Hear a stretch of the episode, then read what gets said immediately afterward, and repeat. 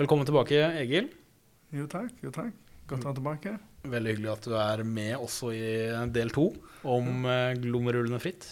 Jeg må jo få med avslutningen. Ja, Bare for å gjøre det helt klinkende klart, så er dette en eh, episodeserie om glommerullende fritt fra et revmatologiperspektiv. da. Som vi sa i forrige episode, så, så er det jo særlig da noen sykdommer innenfor revmatologien som gir glomerulær sykdom, og det er eh, SLE, og så er det disse småkarsvaskulittene. Og eh, da kan vi bare gå litt gjennom eh, noen av disse. Vi kan starte med den anti-GBM-sykdom, altså også kalt good pastures sykdom.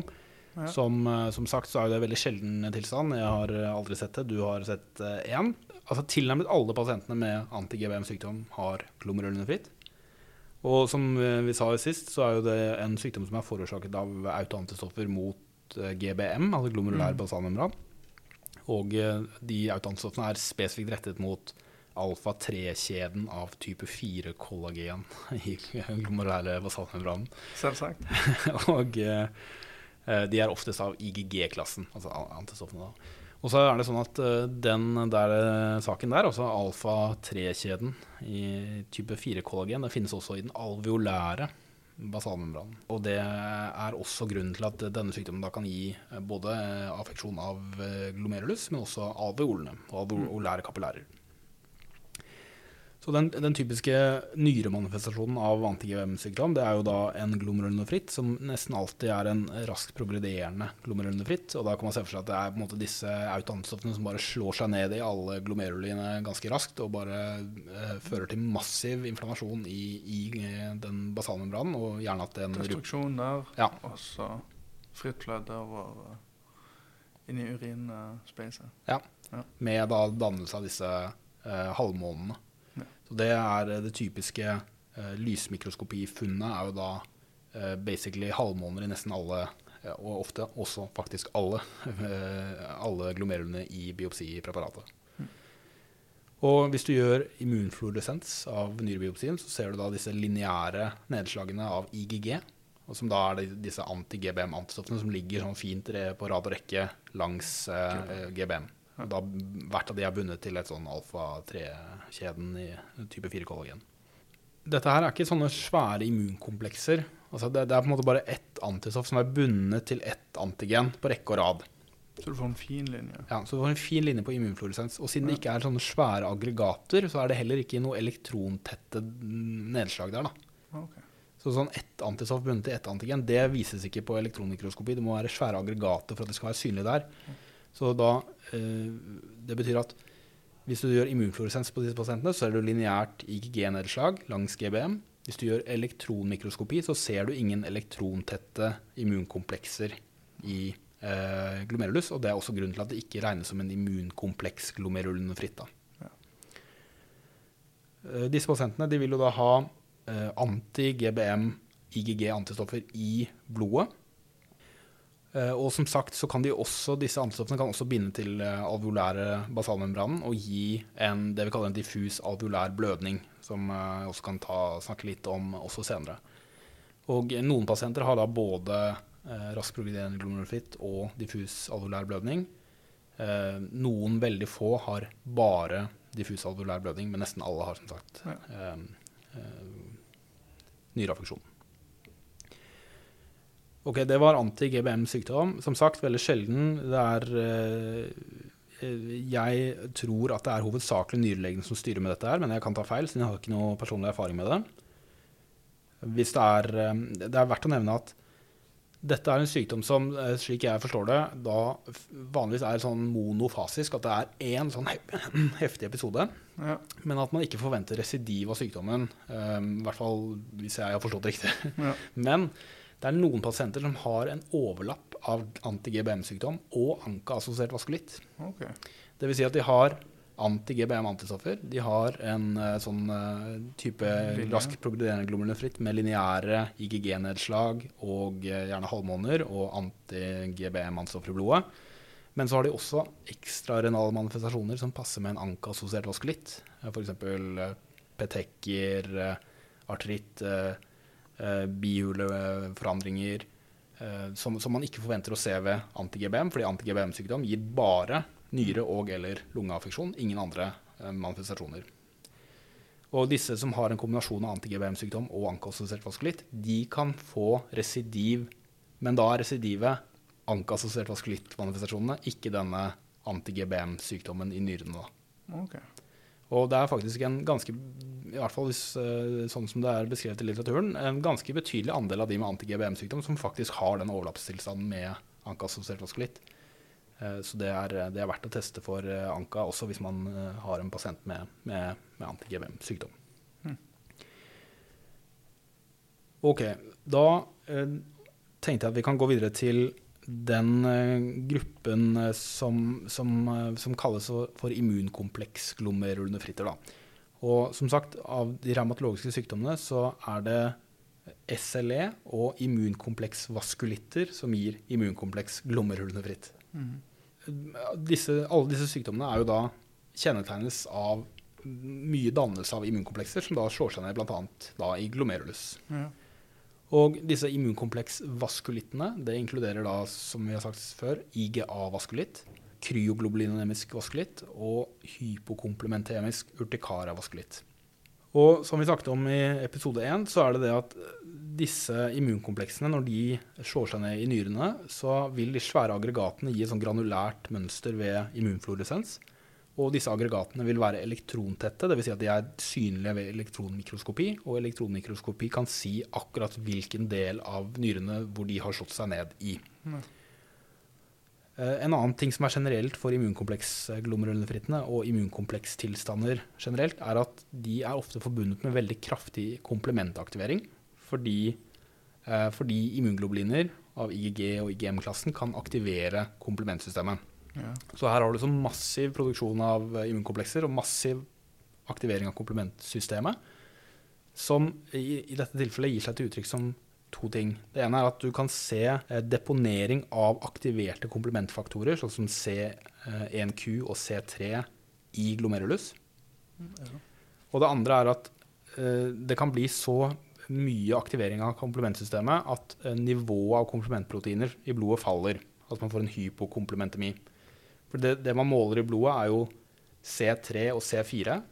Og når komplementsystemet blir aktivert, så spaltes de til små, mindre bestanddeler, altså C3A, C3B og C4A og C4B. Og da, er- da, det er ikke de vi måler, vi måler jo de større hele komponentene C3 og C4. Så ved å spalte de i mindre bestanddeler, så blir det mindre av det, de vi faktisk måler. Da. Ved anti-GBM-sykdom, den antistoffbindingen i glomerulus gir ikke en så kraftig komplementaktivering som disse immunkompleksene. Okay. Og ved ankassosierte vaskulitter så er det ikke noe immunkompleksdannelse. Sånn at hypokomplementemi, altså lave nivåer av C3 og eller C4, forventer man ikke å se ved Man forventer ikke å se det ved anti-GBM-sykdom eller ankassosiert vaskulitt. Og det betyr at en eh, glomerulonefritt og hypokomplementemi det taler for en immunkompleks glomerulonefritt. Altså enten SLE eller en immunkompleks vaskulitt, sånn som IGA-vaskulitt, kryoglobulinemisk vaskulitt eller hypokomplementemisk urtikaravaskulitt. Der har vi det. Ja, der er navnet. Eh, Bare én ting jeg stussa på på forrige eh, Hva er grunnen til når du kan få denne overlappet anti-GBM, an- anka, kryssreaksjon, eller hva er årsaken til at du får denne her eh, overlappet? Ja, det, det vet jeg ikke. Altså fordi Ankeassosierte vaskulitter kan jo gi både glomerulonefritt Ja. og eh, lungeaffeksjon. Ja. Så det kan jo være at Nei, anti-GBM, mener du? Jo, men begge sykdommer. ja, ja, så ankeassosiert vaskulitt i seg selv kan også gi både lungeblødning og glomerulonefritt, og Ja. raskt progrederende glomerulonefritt Ja. også. Så eh, det, det som skiller dem i dette tilfellet, er jo immunfluoresens eh, og elektronik... Nei, eh, unnskyld. Immunfluoresensfunnet eh, som, som ved anti-GBM-sykdom vil være lineære IgG-nedslag, mens ved ankeassosiert vaskulitt så vil det ikke være noe immunfluoresens i glomerulus. Og så er det også det at ankassosiert vaskulitten vil ha andre manifestasjoner som ikke kan forklares av anti-GBM-sykdom. Fordi anti-GBM-sykdom Ja, rettes bare mot glomerulær og alveolær basalmembran. Det kan ikke gi inflammatoriske manifestasjoner i hud eller bihuler eller noe sånt annet. Men det man kan tenke, altså dette er ren spekulasjon, jeg vet ikke om det er riktig, men man kan jo se for seg at kanskje et ankeassosiert vaskulitt er det som starter prosessen. Og så får du en ganske stor skade i glomerulus og i alveolene gjennom den anka-prosessen. Og så kanskje at eh, disse eh, autoantigenene i disse basalmembranene blir tilgjengelige for immunsystemet. Og så Og så trigges det en auto-antistoffdannelse mot GBM, og så får du på en måte den på toppen. da. Ja. Kanskje. Ja. Fordi altså en- enhver form for vevskade vil jo kunne eh, vil kunne legge til rette for utvikling av autoimmunitet Ja. ved at du får autoantigener tilgjengelig, og at det er en inflammatorisk tilstand som legger til rette for immunaktivering og for aktivering av autoreaktive lymfocytter. Som kjører på. Ja. Ja. Så Ja. Jeg lurte på kanskje på om det var mer en annen type fenotype hos disse pasientene som får dette syndromet, da. Hvis jeg, ja. Jeg, nei, jeg er usikker. Ja, ja, og jeg vet absolutt ikke om det jeg sa er riktig. Det er i så fall i beste Ja, fall eh, synsing. Men, men det er jo verdt å si at de aller aller fleste med anka-assosiert vaskulitt har jo ikke samtidig anti-GBM. Men motsatt så er det en del, faktisk, jeg tror det er 10-40% som er rapportert, av de med anti-GBM, som i seg selv er en veldig liten gruppe, har et overlappsfenomen med an- anka-assosiert vaskulitt, med da som sagt eh, andre eh, manifestasjoner. Ja. Så disse stiller lurte på om kanskje uttrykke en eller en annen type anti, ja, antistoffer eller Ja, nei, jeg vet ikke.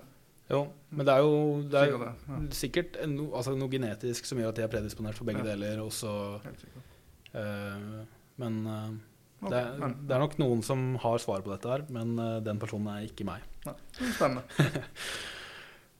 Ok, men Hvis vi da går tilbake til immunkompleks-glomerulonefritten, da, bare for å oppsummere det vi sa der. Det er da SLE og immunkompleks-vaskulitter. Og eh, de har da ofte forbundet med altså glomerulonefritt i kombinasjon med eh, komplementforbruk, som gir seg til uttrykk som både komplementdeponering i glomerulus og hypokomplementemi, altså lave nivåer av C3 og eller C4 i blodet. Mm. Og Hvis vi starter med den, eh, en av disse tilstandene, da, så er jo det SLE, altså systemisk lupus retumatosis. Det er jo en sykdom som er rimelig vanlig i revmatologien, og eh, glomerulonefritt ses hos rundt 30% av pasientene. Det er litt sprikende estimater eh, som jeg har sett, altså fra 20 opp mot 50% Det varierer nok litt med, med hvilken populasjon som er undersøkt. Da. Jeg vil tro at sånn 20-30 er nok eh, det som det, det er et estimat som er kanskje mest opp til det jeg har erfart selv. Men det er i hvert fall en, en manifestasjon som er rimelig vanlig, da, som skjønner, og noe vi er borti ganske ofte. Og sånn glomulær sykdom ved SLE, det kaller vi for lupus nefritt. Og det kan gi mange ulike kliniske bilder. Så jeg sa jo i første episode også at SLE er den eneste av disse sykdommene vi snakker om her som faktisk kan gi et rent nefrotisk syndrom, mens de andre er, først og fremst, eh, gir først og fremst nefritiske presentasjoner. Da. Men SLE, presentasjonen av en lupusnefritt, kan være eh, helt fra veldig sånn asymptomatisk lavgradig proteinuri til liksom full blown nefritis-syndrom eller full blown nefrotisk syndrom. Og grunnen til det er at ved SLE så kan altså SLE har en, en særlig eh, tendens til å lage masse immunkomplekser med masse forskjellige autoantistoffer. Og disse immunkompleksene har sannsynligvis litt ulike eh, egenskaper som gjør at de kan deponeres litt ulike steder i, nyren. Og i praksis så betyr det at nesten alle komponentene av glomeruli kan affiseres ved en lupusefritt. Så immunkompleksene kan deponeres mesangialt, eh, subendotelialt eller subepitelialt, eller en kombinasjon av de tingene. Og hvis vi da minner oss om det vi snakket om i første episode, så er jo det at mesangiale immunkompleksnedslag gir vanligvis en ganske mild glomerulonefritt, som sånn hovedregel. Mm. Mens subendoteliale nedslag gir ofte en veldig hissig glomerulonefritt, med sånn massiv eh, endokapillær proliferasjon og risiko for ruptur av eh, GBM. Ja. Mens isolerte subepiteliale nedslag, altså i podocytene, gir vanligvis bare en ren eh, proteinuri, ofte veldig uttalt proteinuri, kan være nefrotisk proteinuri og eventuelt anefrotisk syndrom. Eh, Så, så det er det første som er viktig med lupusnefritt, er å skjønne at uh, nedslagene kan være egentlig hvor som helst, um, og alle delene kan rammes. Det neste viktige er om immunfluoresensfunnene, fordi ved lupusnefritt så vil man forvente å se granulære nedslag med immunfluoresens, fordi det er svære immunkompleksaggregater. Og som sagt, det er masse forskjellige autoantistoffer som er involvert her. Både IGG-klassen, IGA-klassen og IGM-klassen er involvert. eh, Og, mot, og de er rettet mot ulike autoantigener, da, altså nukleære autoantigener. Eh, Og immunfluoresens vil vise nedslag da av eh, antistoff av IGG-klassen, av IGA-klassen, av IGM-klassen. Og som sagt så vil det være massiv komplementaktivering, så det vil også være nedslag av komplementproteiner i glomerulus, både C3 og C1Q. Og dette fenomenet her, hvor det er immunfluoresens som er positiv for alle disse faktorene her, kalles fullt hus, eller full house, som er, beskriver at det er tre like og ett par, sånn som i poker eller yatzy. Ja. Og de tre like er da immunglobulinene, IGG, IGA, IGM. Og paret er disse komplementproteinene C3 og C1Q. Så hvis du har positiv immunfluoresens for alle de fem, så kalles det full house, eller fullt hus. Og det, er veldig, det gir veldig sterk mistanke om, om lupusnefritt. Hvis du gjør elektronmikroskopi, så vil du jo se elektrontette immunkompleksnedslag, da, eh, avhengig av hvilken lokalisasjon som er rammet, men det kan være mesangialt, subendotelialt eller, eh, og eller subepitelialt. Og eh, pasienter med, med, med SLE eh, og lupusnefritt de vil jo nesten alltid ha positiv ANA. Og det vil veldig ofte ha positiv enten anti-DS-DNA eller anti-SM, eller altså anti-smitt, eh, subspesifisitet av ANA, da, for å være litt mm. spesifikk. Og så vil de ofte ha hypokomplementemi i blodet, så lav C3 og eller C4. Men ikke alltid. Det er noen som ikke har hypokomplementemi. Og det er noen som eh, ikke nødvendigvis har DS-DNA eller smitt-subspesifisitet, men man vil i hvert fall forvente en positiv ANA i, i tilnærmet 100% av tilfellene. Men det som eh, nå er eh, verdt å nevne, syns jeg, er det at lupusnefritt deles inn i seks klasser basert på histologiske funn. Okay. Og nå vet vi eh, Nå har vi snakket oss gjennom så, så mange eh, nyrepatologispesifikke begreper at jeg tror denne inndelingen nå gir litt mening. Og at eh, man kan skjønne hva slags presentasjon man vil forvente av de ulike klassene. Eh, klassene heter eh, fra 1 til 6, og så har de et spesifikt navn også. Så klasse 1 den heter også minimal mesangial lupusenfritt. Og dette er jo da De har mesangiale immunkompleksnedslag, men det er ingen mesangial proliferasjon. Altså det er ingen okay. mesangial hypercellularitet. Så det er nedslag der, men det, det fører ikke til en reaksjon. Det trigger ingenting. Nei. Det trigger ingenting av en eller annen grunn. Eh, Hvorfor de ikke gjør det, det vet jeg ikke. Men disse pasientene har helt normal urinundersøkelse, helt normal kreatinin, så de vil jo i praksis aldri fanges opp. Nei. Denne klassen er jo bare beskrevet fordi de på et eller annet tidspunkt så biopserte de da i en eller annen studie alle, og så så de at det var noen som hadde nedslag uten at de hadde klinisk eh, nyreaffeksjon. Okay. Kan det være et forstadie? Eh, Det kan være det, men det er ikke sånn at uh, sykdommen progredierer gjennom Nei, disse stadiene. Uh, så det virker Det kan være et eller annet med egenskapene til akkurat de immunkompleksene der som gjør at de ikke er så veldig proinflammatoriske av en eller annen grunn. Da. Okay. Um, og så kommer vi jo igjen tilbake til dette aspektet om at bare ren mes altså mesangial affeksjon i seg selv er litt mindre alvorlig enn hvis du har en subendotelial affeksjon. Hmm. Uh, Klasse 2 den heter mesangial proliferativ. Så da har du jo da mesangiale immunkompleksnedslag, men du har også en proliferasjon av mesangiale celler. Ja, så bitte litt mer aggressiv. Bitte litt mer aggressiv. Og det viser seg også at de har ofte litt sånn lettgradig hematuri og eller proteinuri, men, men veldig sjelden noe reell eh, Altså veldig sjelden alvorlig eh, avvik på noen av prøvene, da. Ok. Eh, og oftest normal kreatinin.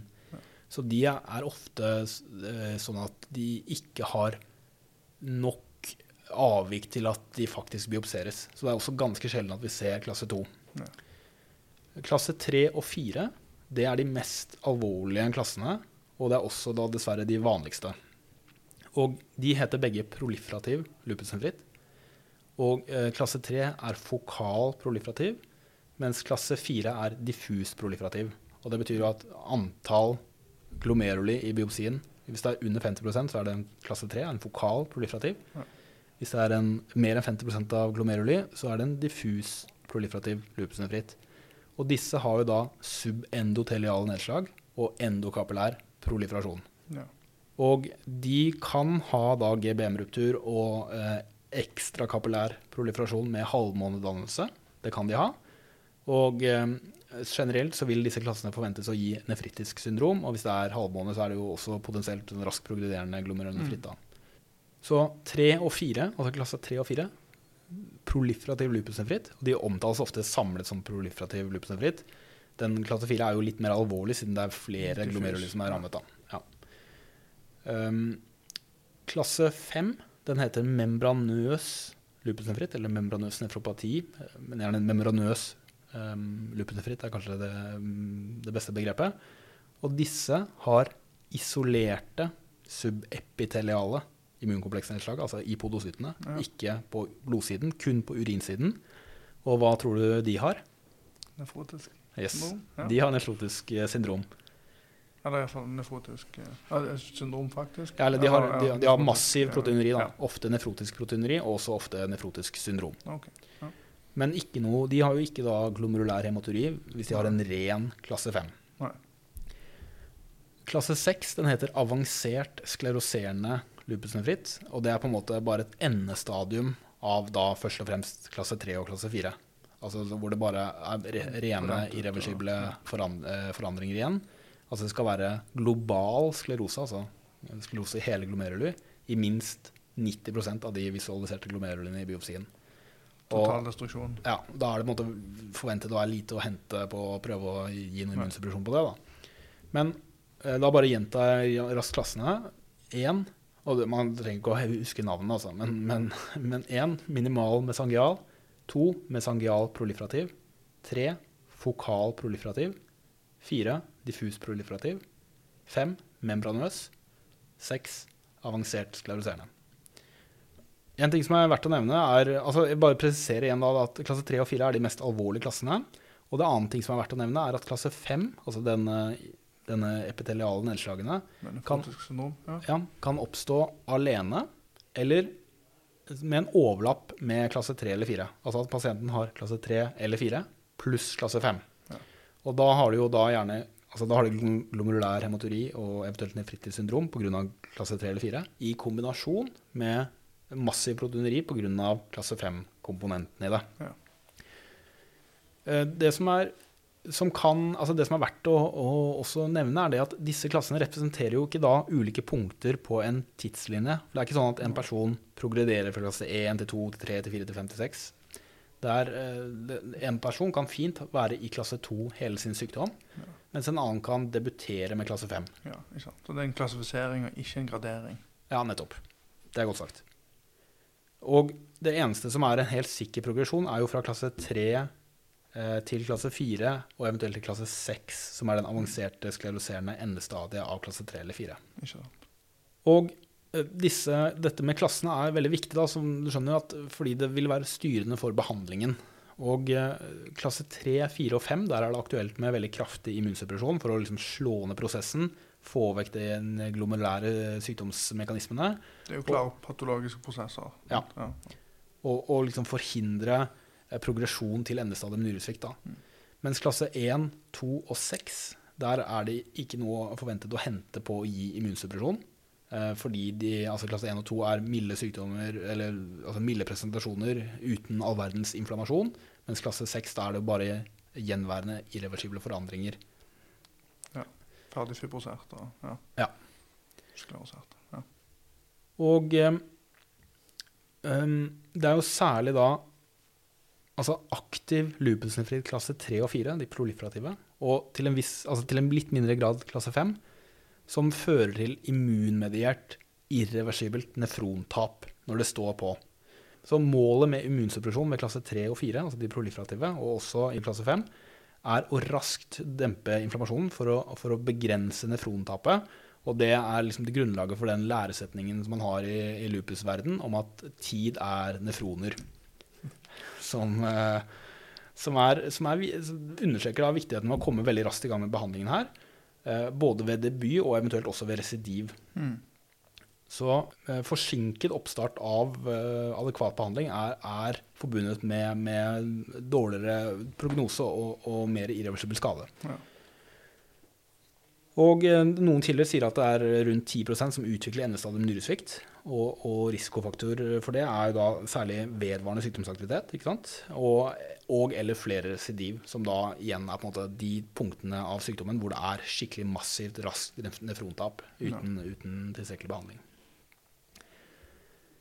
Det er det jeg hadde tenkt å si om lupus nephrit. Eh, Kommer tilbake til det i en fremtidig ekspertepisode, forhåpentligvis. Men eh, jeg tenkte å, å skifte takt og så gå videre til en, en annen immunkomplekssykdom. I dette tilfellet en immunkompleks vaskulitt. Og da tenkte jeg å snakke om IGA-vaskulitt, som er den vanligste av de tre der. da. Fordi IGA-vaskulitt det ble jo tidligere kalt eh, Henok Schönleins purpura. Men eh, nå kaller vi det IGA-vaskulitt. Og det er en, det er en immunkompleksmediert småkarsvaskulitt som da ofte rammer hud, nyrer, ledd og tarm. Og det klassiske er jo sånn palpabel purpura på beina. Ikke sant? Det er jo på en måte det, det man gjerne kjenner igjen fra lærebøkene om denne sykdommen her.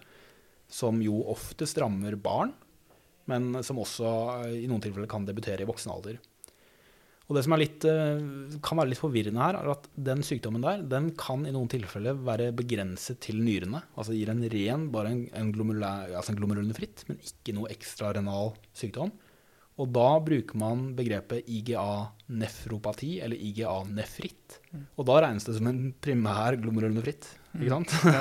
Men idet du har noe ekstra renalt, så er det en sekundær eh, glomerulonefritt og en vaskulittsykdom. da. Ah, ok, Så den kommer i begge klassifiseringer? Ja, faktisk avhengig av uh, utbredelsen, ja. Og um, um, det er jo noen som har kun ekstra renal affeksjon. Da. Altså de har purpura, de har kanskje magesmerter, leddsmerter, men ikke noe nyreaffeksjon. glomerulonefritt. Ja. Nei. Så, så det, er, eh, det viser jo spekteret, og så er det jo uttrykk for at ulike spesialiteter følger dem avhengig av eh, utbredelsen, og derfor får litt sånne ulike navn avhengig av hvem de kommer til. Men eh, vi vil da bruke begrepet IGA-vaskulitt her. Og denne nyreaffeksjonen ved den sykdommen, det, den kan gi litt ulike presentasjoner. I de fleste tilfeller så er det hematuri med eh, viss grad av proteineri, men eh, vanligvis subnefrotisk. Men nyreaffeksjonen er forho- vanligvis forholdsvis beskjeden. Da. Eh, Når det er sagt, så kan nefritis syndrom forekomme. Og til og med er det beskrevet tilfeller av raskt progrederende glomerulonefritt. Så igjen viser at nesten alle glomerulonefritter kan gi det, hvis både den prosessen ja, hvis den er aggressiv nok, ikke sant? Men, men, men det, er, det er forholdsvis sjelden da, at det, at det blir sånne alvorlige presentasjoner. Og nyrebiopsi det vil typisk vise granulære IGA-nedslag i mesangium. Ikke sant? Altså det er mesangial eh, sykdom først og fremst, med mesangial proliferasjon, som igjen forklarer hvorfor presentasjonen vanligvis er mindre alvorlig og dramatisk enn f.eks. en proliferativ lupusnefritt eller en anti-GBM-sykdom. Mm. Eh, Men igjen så er det da dette spekteret av alvorlighetsgrad også ved denne sykdommen. Så det er jo noen pasienter hvor man også ser subendotelial nedslag eh, og eh, da endokapillær proliferasjon. Og i til og med noen tilfeller med GBM-ruptur og halvmånedannelse med sånn ekstra kapillær Ja. proliferasjon. Men de aller, aller fleste vil være på den milde delen av spekteret, heldigvis. da. Og disse pasientene, de man, Det er jo en, eh, den vanligste mm, vaskulittsykdommen hos barn. Men, eh, og eh, IGA-nefritt er vel den vanligste primære glomerulonefritten hos voksne, mener jeg. Så Ja, det er på en måte en sykdom som, som er forholdsvis vanlig i, blant de sjeldne tingene. Men eh, vi revmatologer, i hvert fall jeg, er, eh, ser dette her forholdsvis sjelden, fordi det går enten hos barnelege eller hos nefrolog. Ja. Og så er det veldig sjelden, eller så er det, det er ikke veldig sjelden, men det er mindre vanlig at vi, vi får dem til oss. Og derfor så, så, så, se, så er det kanskje sånn at revmatologer har ikke inntrykk av at det er så vanlig, at man ser vel så ofte andre mer sjeldne sykdommer. Ja.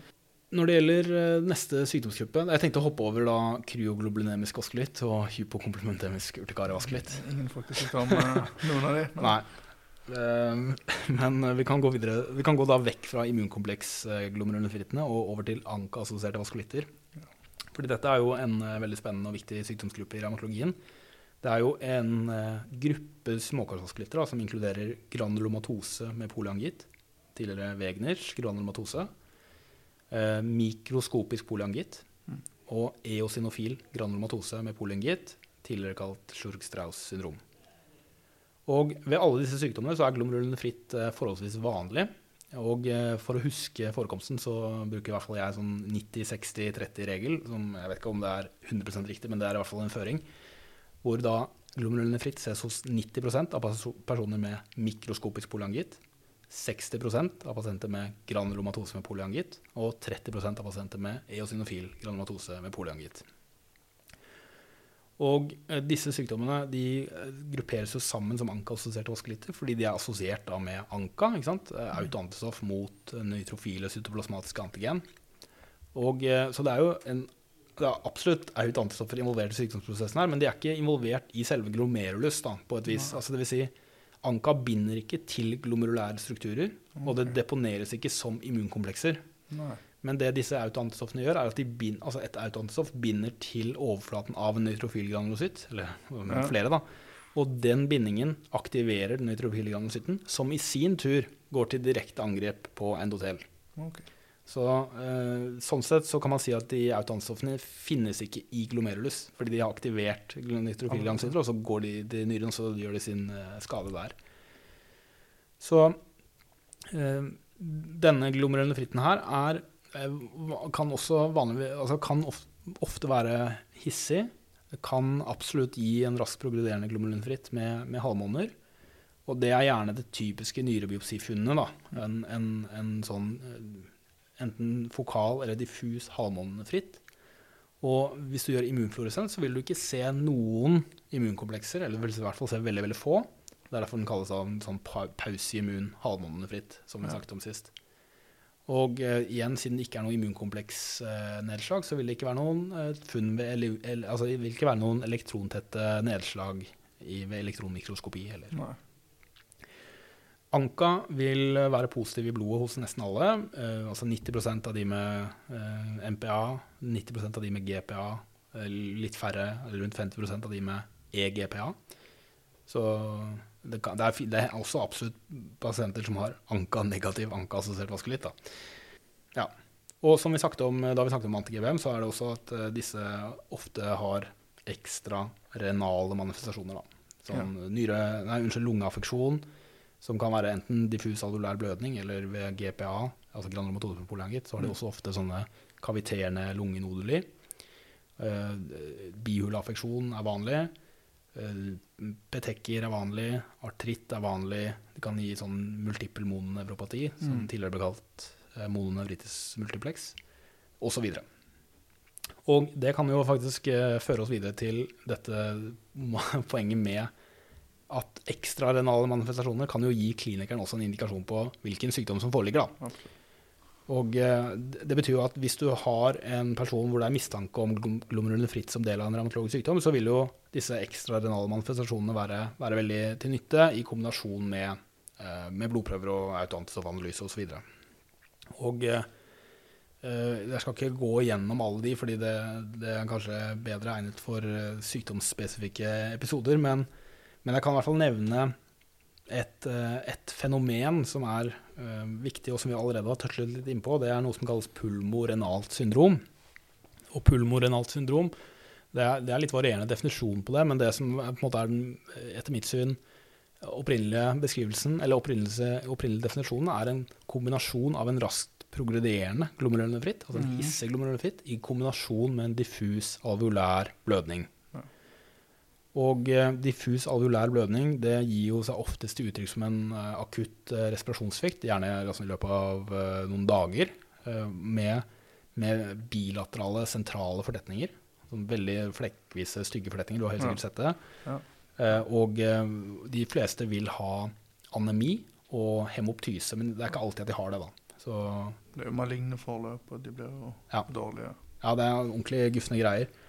Og eh, det kan ses ved egentlig alle de sykdommene vi har snakket om nå, men det er vanligst ved, ved anti-GBM-sykdom og ved anka-assosierte Mm. Men det kan også ses egentlig med, altså det kan faktisk ses ved SLE, det kan ses, det er også beskrevet ved IGA-vaskelitt, men altså det er bare mm, mindre sjelden da. Men kryoglobulinisk vaskelitt kan også gi det, fordi det er på en måte veldig tilsvarende prosesser i disse alveolære kapillærene som det er i glomerulære kapillærer. Ikke sant? Ok. Altså immunkompleksene ved immunkomplekssykdommene slår seg ned i de, og de kan Mm, føre til ruptur og skade og massive blødninger.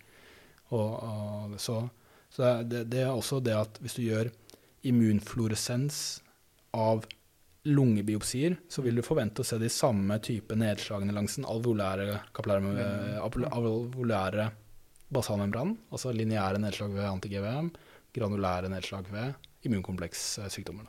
Okay. Så pulmorenalt syndrom, det er, eh, det er noe vi er litt sånn eh, opptatt av, da. Eh, og, og som sagt, kanskje først og fremst anti-GBM og ankeassosiert vaskulitt man skal tenke på ved en sånn type presentasjon fra et revmatologiperspektiv, da. Mm. Og når det gjelder andre ekstraordinale manifestasjoner, bare for å si litt kort, så er det jo sånn at ved SLE så har jo de pasientene ofte feber, utslett, altså sommerfuglutslett. eh, De kan ha slimhinnesår, serositt, alopeci eh, og ulike cytopenier. Mens ved IGA-vaskulitt så er det jo da som sagt gjerne palpabel purpura, magesmerter, eh, testissmerter kan de ha. De kan ha litt arteralgi. Mens ved ankeassosiert vaskulitt som sagt, så er det mye bihuleplager. Det kan være sånn kaviterende lungenodeli. Ja. Eh, det kan være petekker igjen, multiple mononeuropati, artritt osv. Så, Ja. Så um, mer om det eh, i senere episoder sannsynligvis. Men um, hvis vi avslutningsvis snakker litt om bare Når du mistenker dette her, da, så er det jo det at eh, vi gjør urinundersøkelser med, med, med Ustix, men også AKR, PKR og veldig lav terskel for eh, urinmikroskopi. Yes. Og da urinmikroskopi så ser vi jo særlig da etter dysmorfe erytrocytter og erytrocyttsylindere, som da vil kalles et sånn nefritisk sediment. Og ved, hvis det er holdpunkt for at det er en eller annen pågående glomerulær sykdom, så er det jo veldig ofte indikasjon for nyrebiopsi. Da. Og da snakker vi med, med våre nyrevenner. Og eh, jo, da vil jo eh, indikasjonen vurderes i samråd med dem. Og eh, eksempler på, på indikasjon for nyrebiopsi er jo da fra et revmatologiperspektiv er jo da en, at det er en mistanke om en småkarsvaskulitt med, med gl- glomerulene fritt, eh, hvor det ikke er noen andre mer egnede biopsisteder. Mm. Eh, eller hvis det er SLE, eller mistenkt SLE, med glomerulær hematuri og eller proteinuri. Det er bare verdt å nevne at ved SLE så kan man faktisk ha en hissig, aktiv, proliferativ lupusnefritt, altså klasse 3 og 4, med ganske beskjedne urinfunn. Så der bør man virkelig eh, ha i utgangspunktet lav terskel for å snakke med nyrelege og vurdere nyrebiopsi, selv ved ganske sparsomme funn. Altså. Ja. Fordi det er så utrolig viktig å fange opp de tidlig og få kommet i gang med behandlingen. Og der kommer jo eh, viktigheten av en god klinisk undersøkelse, anamnese og, og dette òg inn. aller høyeste grad, helt enig. Det, Som de gode indremedisinerne med ja, ja. medisinerne. Helt, helt klart. Når det gjelder behandling, så avhenger jo det av underliggende årsak, altså av grunnsykdom. Da. Men uh, immunsuppresjon vil jo være aktuelt i de, de aller fleste tilfellene her, som f.eks. proliferativ lupusnefritt, ankeassosiert vaskulitt, anti-GBM-sykdom osv. Går ikke inn på akkurat behandlingen eh, her nå. Men, men uavhengig av diagnose så vil hypertensjon og proteinuri i seg selv være litt dårlige prognostiske faktorer, fordi eh, proteinu, proteinuri er nefrotoksisk i seg selv. Da. Så um, glo, god blodtrykkskontroll er veldig viktig for å, for å forhindre at hypertens, hypertensjon forverrer nyresykdommen. Og ACE-hemmere, eller angiotensin 2-reseptorhemmere, de er veldig gunstige i denne situasjonen, her, fordi de har både da, altså, som du vet, Ja, ja, ja.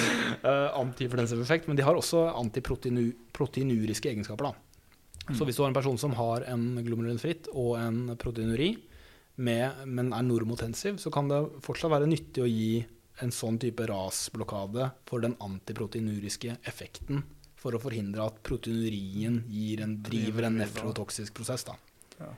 Mm. Så blir det spennende å se hvor uh, kardiologenes nye venn uh, SGLT2-hemmerne kommer inn i, Ja. denne, i disse aspektene av kronisk njøreskade. Jeg tror, eh, jeg tror det der er eh, allerede på gang, noen noe greier der. Det tror jeg jeg vet. eh, Men det er jo ja, Jeg har skjønt det er eh, kardiologens nye mirakelmedisin. Når det gjelder prognose, så varierer du det som, som åpenbart mellom ulike sykdommer. Da. Men glomerulonefritt er en, en alvorlig manifestasjon som man skal ta på alvor. Og eh, det er den tredje vanligste årsaken til endestadium nyresvikt etter hypertensiv nefropati og diabetes nefropati. Da har vi, i hvert fall jeg, kommet til veis ende, Egil. Har du noe du vil uh, Nei, legge til? har jo fått, eh, eller du har jo fått gått gjennom det meste på en uh, god, grundig måte, som vanlig. Så jeg tror ikke jeg har veldig mye å jeg skal legge til på noe moment, tror jeg. Nei, men det var i hvert fall veldig hyggelig å ha deg her. Ses vi igjen neste runde. Ja? Det gjør vi. Ha det bra.